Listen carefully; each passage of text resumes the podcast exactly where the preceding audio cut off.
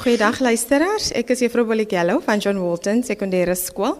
Ek is die koordirigent hier en vandag het ek saam met my 'n paar van ons uh, koorlede. Ons gaan vir julle ons skoollied opvoer. We'll have faith in our hands while we aim for the prize. As we read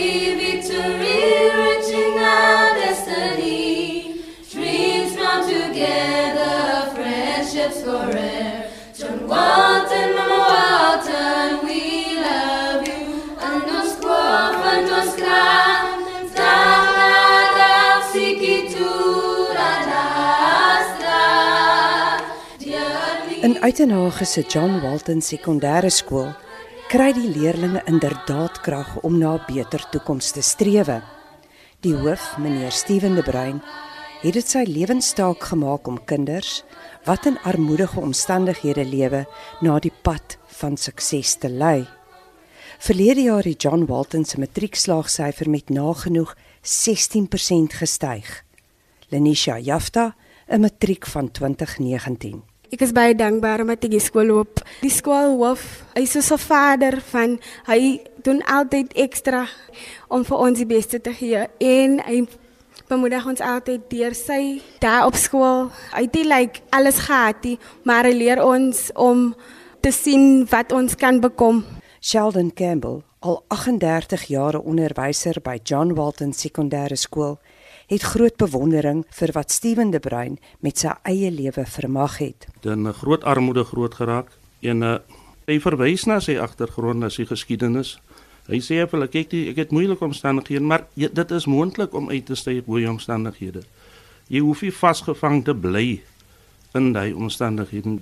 Wat hy ook baie keer sê, jy moenie verwag iemand moet vir jou goed te doen nie. Jy moet bereid wees om jou omstandighede te aanvaar soos dit is, maar jy moet bereid wees om te werk om uit dit uit te kom. Moenie wag altyd dat mense vir jou goed moet doen nie. Jy jy moet bereid wees om dit te doen. Een van die sterkste redes hoekom skoolhoof Steven de Bruin wel tot die leerders kan deurdring, is omdat hy as hongerkind uit 'n brandarm gesin 'n toebroodjie meneer gehad het wat eintlik in sy vermoë geglo het. Steven vertel. Iemand het my al gevra, "Vir wat mors julle so baie tyd met hierdie kinders?" Toe sê ek vir hulle, "Ek kom waar ek tot in graad 8 kaalvoete geloop het met 'n stuk in 'n broek." En as dit vir 'n man soos onderwyser met naam van Roderick Simmons wat vir my gewys het hy gee om meer as enige ander onderwyser was ek vandag waar ek is. En dit is die rol wat ons as onderwysers speel. En ek sê ook altyd vir die kinders, asseblief, as jou ma nie studeer het, jou pa nie studeer het of jy het gehoor hulle het foute gemaak, dis die reeds die rede waarom hulle so baie mee jou aangaan. Want hulle besef wat se foute wat hulle gemaak het, hulle besef die gevolge en hulle besef my kind kan nie dieselfde pad loop nie. Dis waarom jou ma soms vroeg gaan opstaan, iemand anders se huis gaan skoonmaak om seker te maak daai bietjie wat sy vir jou gee is die beste wat sy kan. Steven se ma, Georgina de Bruin, het ook haar beste vir haar kinders gedoen nadat haar man haar verlaat en met kinders en al uit die huis geskop het. Die gesinskeuring en gevolglike swaar kry was die eerste tree op die pad na Roderick Simmons, die toebroodjie meneer, sê Steven. En om dit te verstaan, moet ons eers 'n kort draai deur sy grootword jare gooi.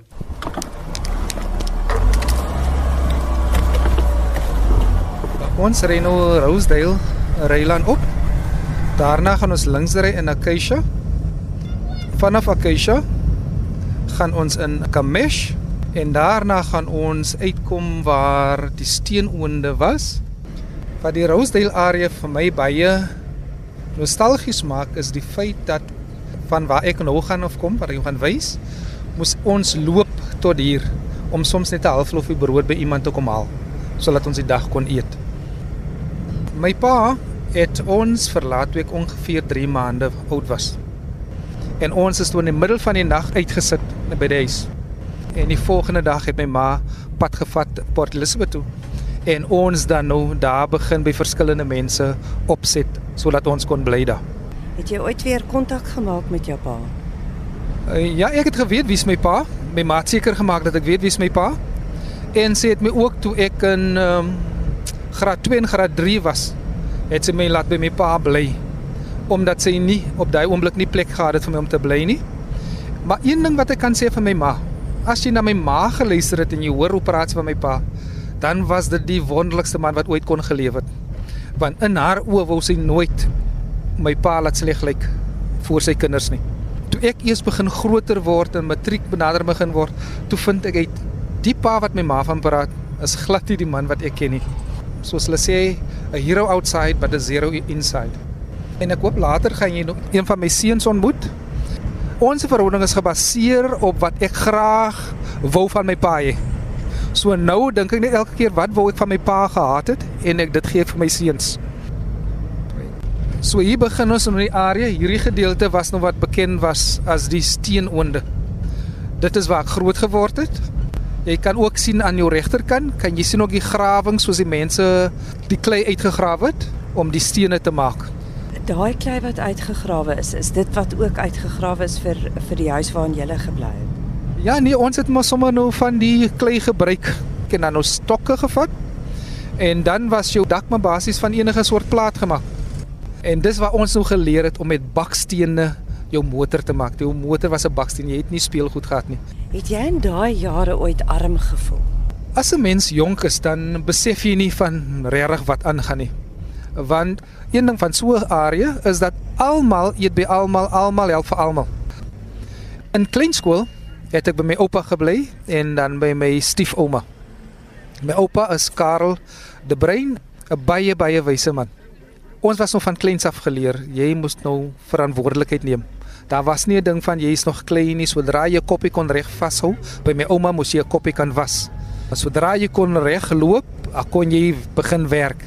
My oupa het vee gehad, hy het twee donkies gehad, uh, so 'n paar beeste, 'n uh, hele paar hoender, hoenders en so hier en daar 'n uh, paar bokkies. Die beeste was gebruik om te ploeg sodat ons kon groente aankweek. Die donkies was gebruik as 'n vir die donkiekar want hy het die hele gebied in Klenskoor voorsien van water.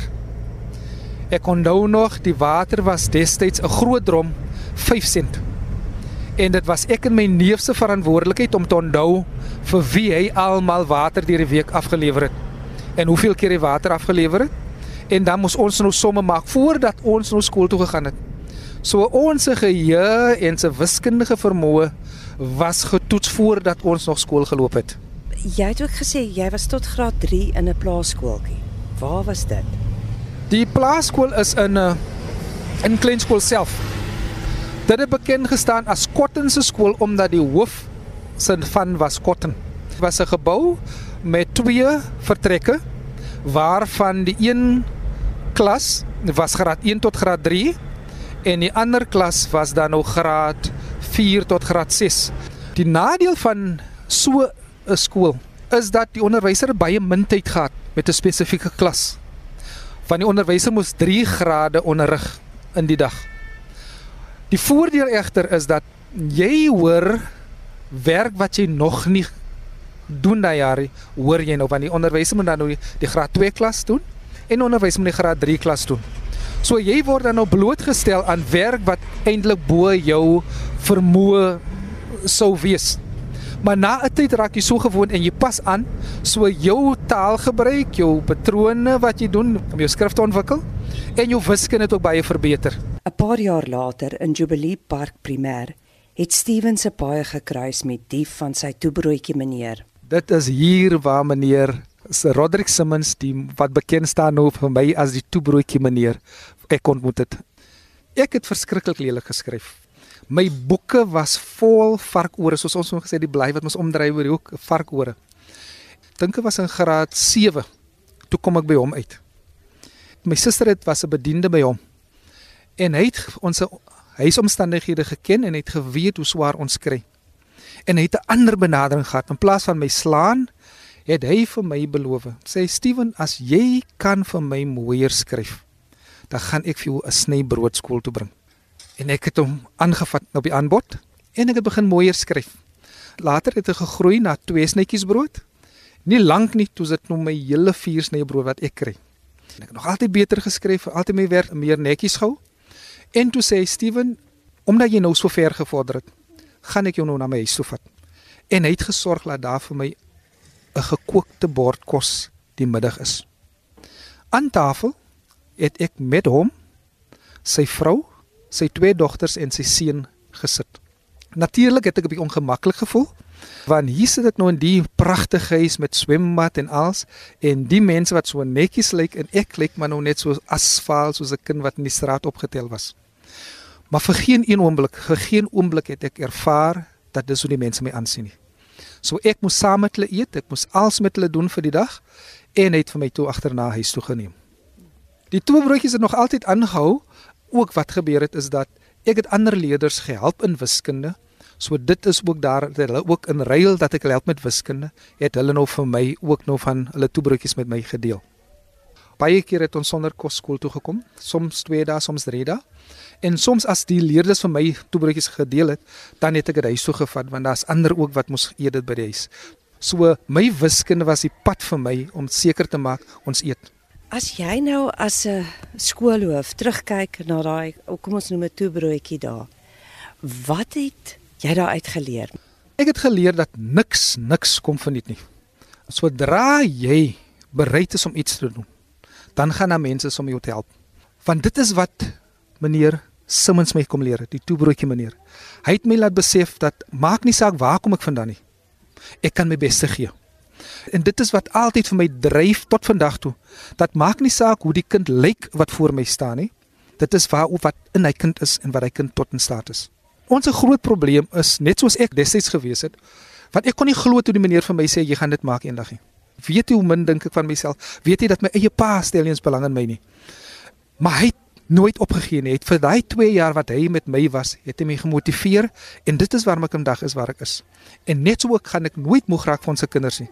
Al praat ek ook nou hoe lank en dit lyk hulle luister nie. Ek gaan net weer môre praat want ek weet nooit wanneer besef daai kind wat die meneer praat is nogal waar. Maar dit help nie jy preek net vir 'n kind wat in baie moeilike omstandighede moet probeer leer nie. Jy moet ook bystand gee. Dit dat 'n studiekamp met leerkragbystand vir die weerlose leerdlinge van John Walton Sekondêre Skool by die nabygeleë Russin Vredeoord tydens verlede jaar se matriekeksamen gehou is. In die meeste gevalle is meer as een gesin of ma met kinders en hulle kinders wat in dieselfde 2 of 3 vertrek of een vertrek huis bly. So ons vat dan die kinders weg om hulle daai geleentheid te gee om te kan sit te studeer. Ook wat ons vind in ons gemeenskap is verskriklik baie tevens. Ook die feit dat mense ons het nie respek vir mekaar nie. Ek wil musiek speel sodat almal my musiek hoor. Of dit nou deur die dag is of deur die aand is. So nou vat ons hy kinders weg. Stilte waar hulle 5 2 uur sessies elke dag studeer. Hulle kry 3 maaltye 'n dag. So honger is nie probleem nie. En dan tussen die maaltye het hulle ook daar twee teebreuke waar hulle toebroodjies kan gebruik. In die begin kon hulle nie wag vir daai 2 uur ses om klaar te maak nie. Maar soos hulle aangegaan het en begin skryf het en begin sien die positiewe impak hoe hulle nou hulle weer werk beter ken. 4 weke later, toe die maandag sessie bywoon, toe was ons nog onder die indruk want ek het nou daar gekom om ter 3 uur, was ons onder die indruk, die sessies nog tot 4 uur toe laat ons hulle die 4 uur breek. Toe sê hulle nee meneer, ons het kwart oor 2 begin. So ons moet kwart oor 4 klaar maak. Mense wat hulle glo, mense wat hulle geleentheid gee en nou maak hulle gebruik van die geleentheid. En dis vir my die positiewe ding wat ek ook gesien het by die toebroodjie meneer. Op een of ander tyd moet jy jouself help. Want mense kan jou vandag brood gee, môre moet jy weer gee. In my geval soos ek sê, ek het my wiskunde gebruik as bater wat ek nou kan vir hulle iets gee en hulle gee vir my iets in terug. En ek het basies myself gehelp en ek het hard gewerk. Net so ons leerders. Die feit dat ons hulle die geleenthede bied, beteken hulle het saamgegaan en net agteroor gaan sit. Hulle moet fisies werk. En nou kan hulle besef dat ek kan dit vermag wat ek wil vermag. En as jy selfvertroue het, dan kan jy 'n bende storm loop. Want jy glo in jouself, jy glo dat ek kan dit doen. Die mees suksesvolle persone in die wêreld het nie dit altyd die eerste keer reg gekry nie. So as jy iets probeer en jy val, moet net nie bly lê nie. Staan op want jy weet nooit die tweede keer, die derde keer, die vierde keer mag jy dit regkry. Geluk vir my is op die regte plek, op die regte tyd in die regte toestand. Sê byvoorbeeld ek het nou graad 1. Ek ken die regte persone en hier is 'n werk vir CEO wat oopgaan. Geregte tyd, regte geleentheid en alles maar ek is nie gereed nie. Ek moet myself gereed kry so as die oomblik om voordoen, dan het ek alles wat ek nodig het om daai posisie te beklee. En dit is wat ons ons leerders probeer leer. Bekwam jou, bekwam jou, probeer jouself verbeter soos die geleentheid kom dat jy kan aan die vereistes voldoen. Ek wil nou net hierso, hier staan 'n kar. Ek dink is 'n onderwyser se kar hier by jou ou laerskool. Never look back. Stem jy saam met so iets? Ja en nee. Ja, want jy moet nooit laat dit wat agter jou gebeur het jou terughou nie, want baie keer is ons se grootste probleem nie dat ons nie dinge kan doen nie. Maar ons kyk na ons verlede, ons kyk na dit wat verkeerd gegaan het in ons lewens en ons dink omdat ek daarvan af kom wat ek hierdie foute gemaak het dat ek nooit gaan uitkom waar ek wil wees nie. So daarom sal ek sê moenie terugkyk nie. Maar daar's ander kere wat jy soms moeg raak van probeer. En dit lyk so jy kom nêrens uit nie. Maar as jy terugkyk, dan gaan jy besef ek het nogal baie ver gevorder van waar ek was. Is net ek is nog nie by die plek waar ek wil wees nie. So in daardie kere dan in daai geval gaan ek vir jou sê, ja, kyk terug sodat jy kan sien die vordering wat jy gemaak het. Want ons meet ons baie keer aan waar ek nog nie is nie in plaas van die vordering wat ek gemaak het. Ons gaan nou na Uitenaag hoor waar ek my hoërskoolloopbaan gedoen het.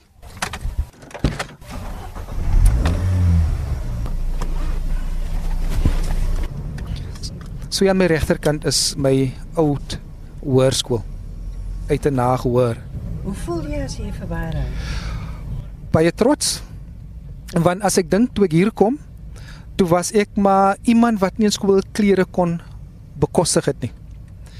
En by Uitenaag hoër was dit 'n mengelmoes van leerders. Jy het die baie ryk leerders gehad en dan hierdie kinders wat uit baie armoede uit gekom het. Maar daar was so 'n hegte band tussen van die leerders, nie almal nie, dat hulle nooit laat uitvoel nie.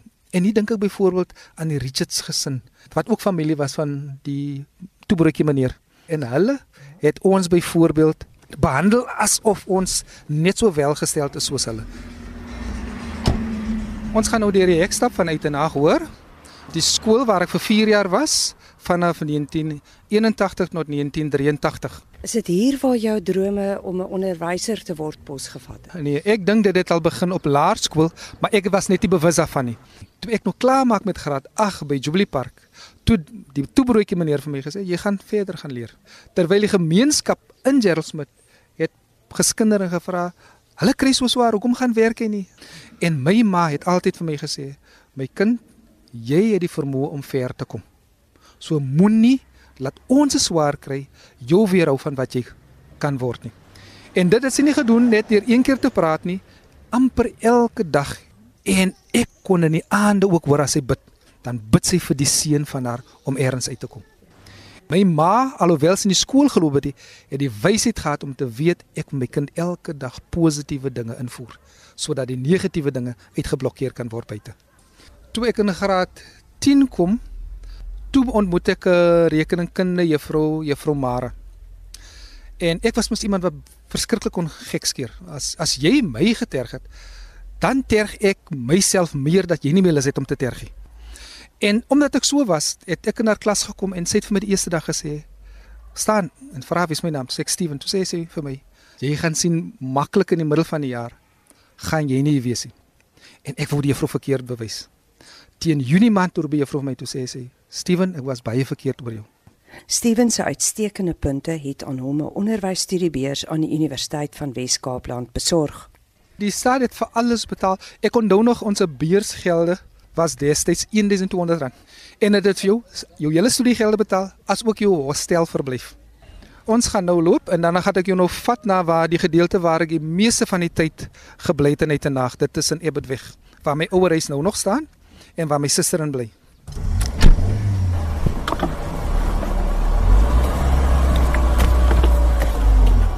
Nou gaan ons gesels met my suster. Sy woon nog in die huis waar ek in groot geword het. Haar naam is Margaretie. Ons wil haar sommer soekie. Afval geboorte as jy 'n lieflike kind gewees. As jy bid vir jou kind, dan God sy wakende hand oor hom hou tot op hierdie ouderdom. Hy het in die huis van die Here groot geword. Toe gedra tot by die kruis, nie verder as die kruis kon ons sien. Toe moes hy maar nou uitsien. En nou kan ons gaan na my huis toe. Is my droom, soos ek gesê het, dit begin by die toebroodjie meneer meneer Simmons, Roderick Simmons. Ek het myself gesê eendag as ek myself vestig in my huis moet daar wees 'n swembad en 'n moene kaggel wees. Daar is nou.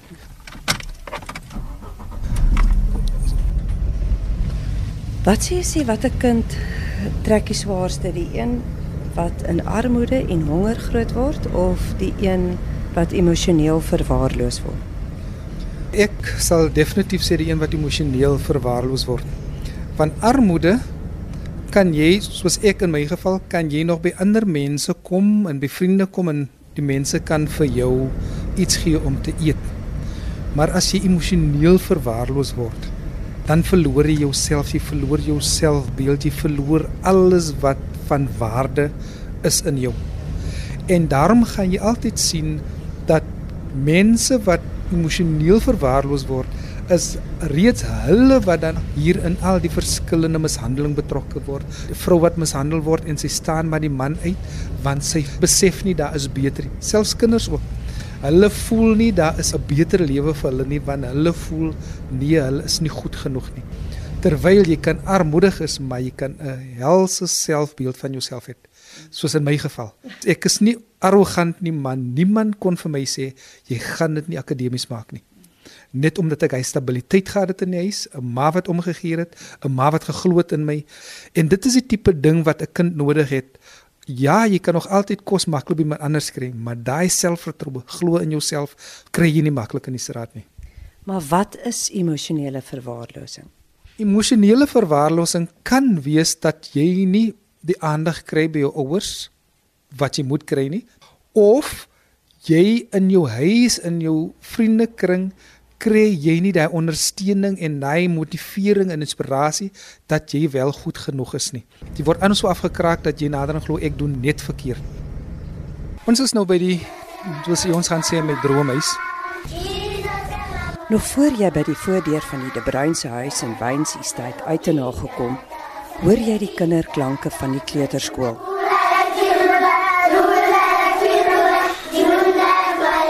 Steven se vrou Miriam verduidelik hoekom die kleuterskool se naam Monique's Happy Place is. Die skooltjie het ons begin in 2015 in herinnering aan my dogter Monique. Op 33 weke het ek geboorte gegee aan haar en daar was nie lewe nie. Kom ons gaan kyk gou hier by hulle. Gaan julle vir die tannie sing?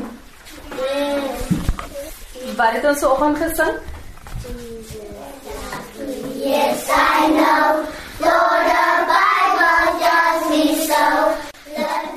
Jy sê jy is eintlik 'n 'n sanger. Musiek is wat ek mee gebore is. Dit is 'n passie wat saam met my opgroei. My pa sing, my ma sing ook. Ek sing al van 3, 4 jaar. Is daar enige liedjie wat jy nou spesiaal aan jou man opgedra het? Ja, ek het 'n liedjie geskryf vir hom. Toe hy nou vir my benader, toe weet ek dit moet net wees dat dit dit van die Here af is. En toe skryf ek die liedjie, "Die send me you," meaning dat die Here dit hom vir my gestuur. En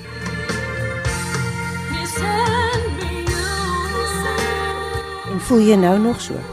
Definitief. Dit is die liefde wat op een plek bly nie, dit groei. Hy is regtig waar my lewensmaat. Los hy daarmee skool by die skool as hy by die huis kom? Nee. Hy is altyd besig.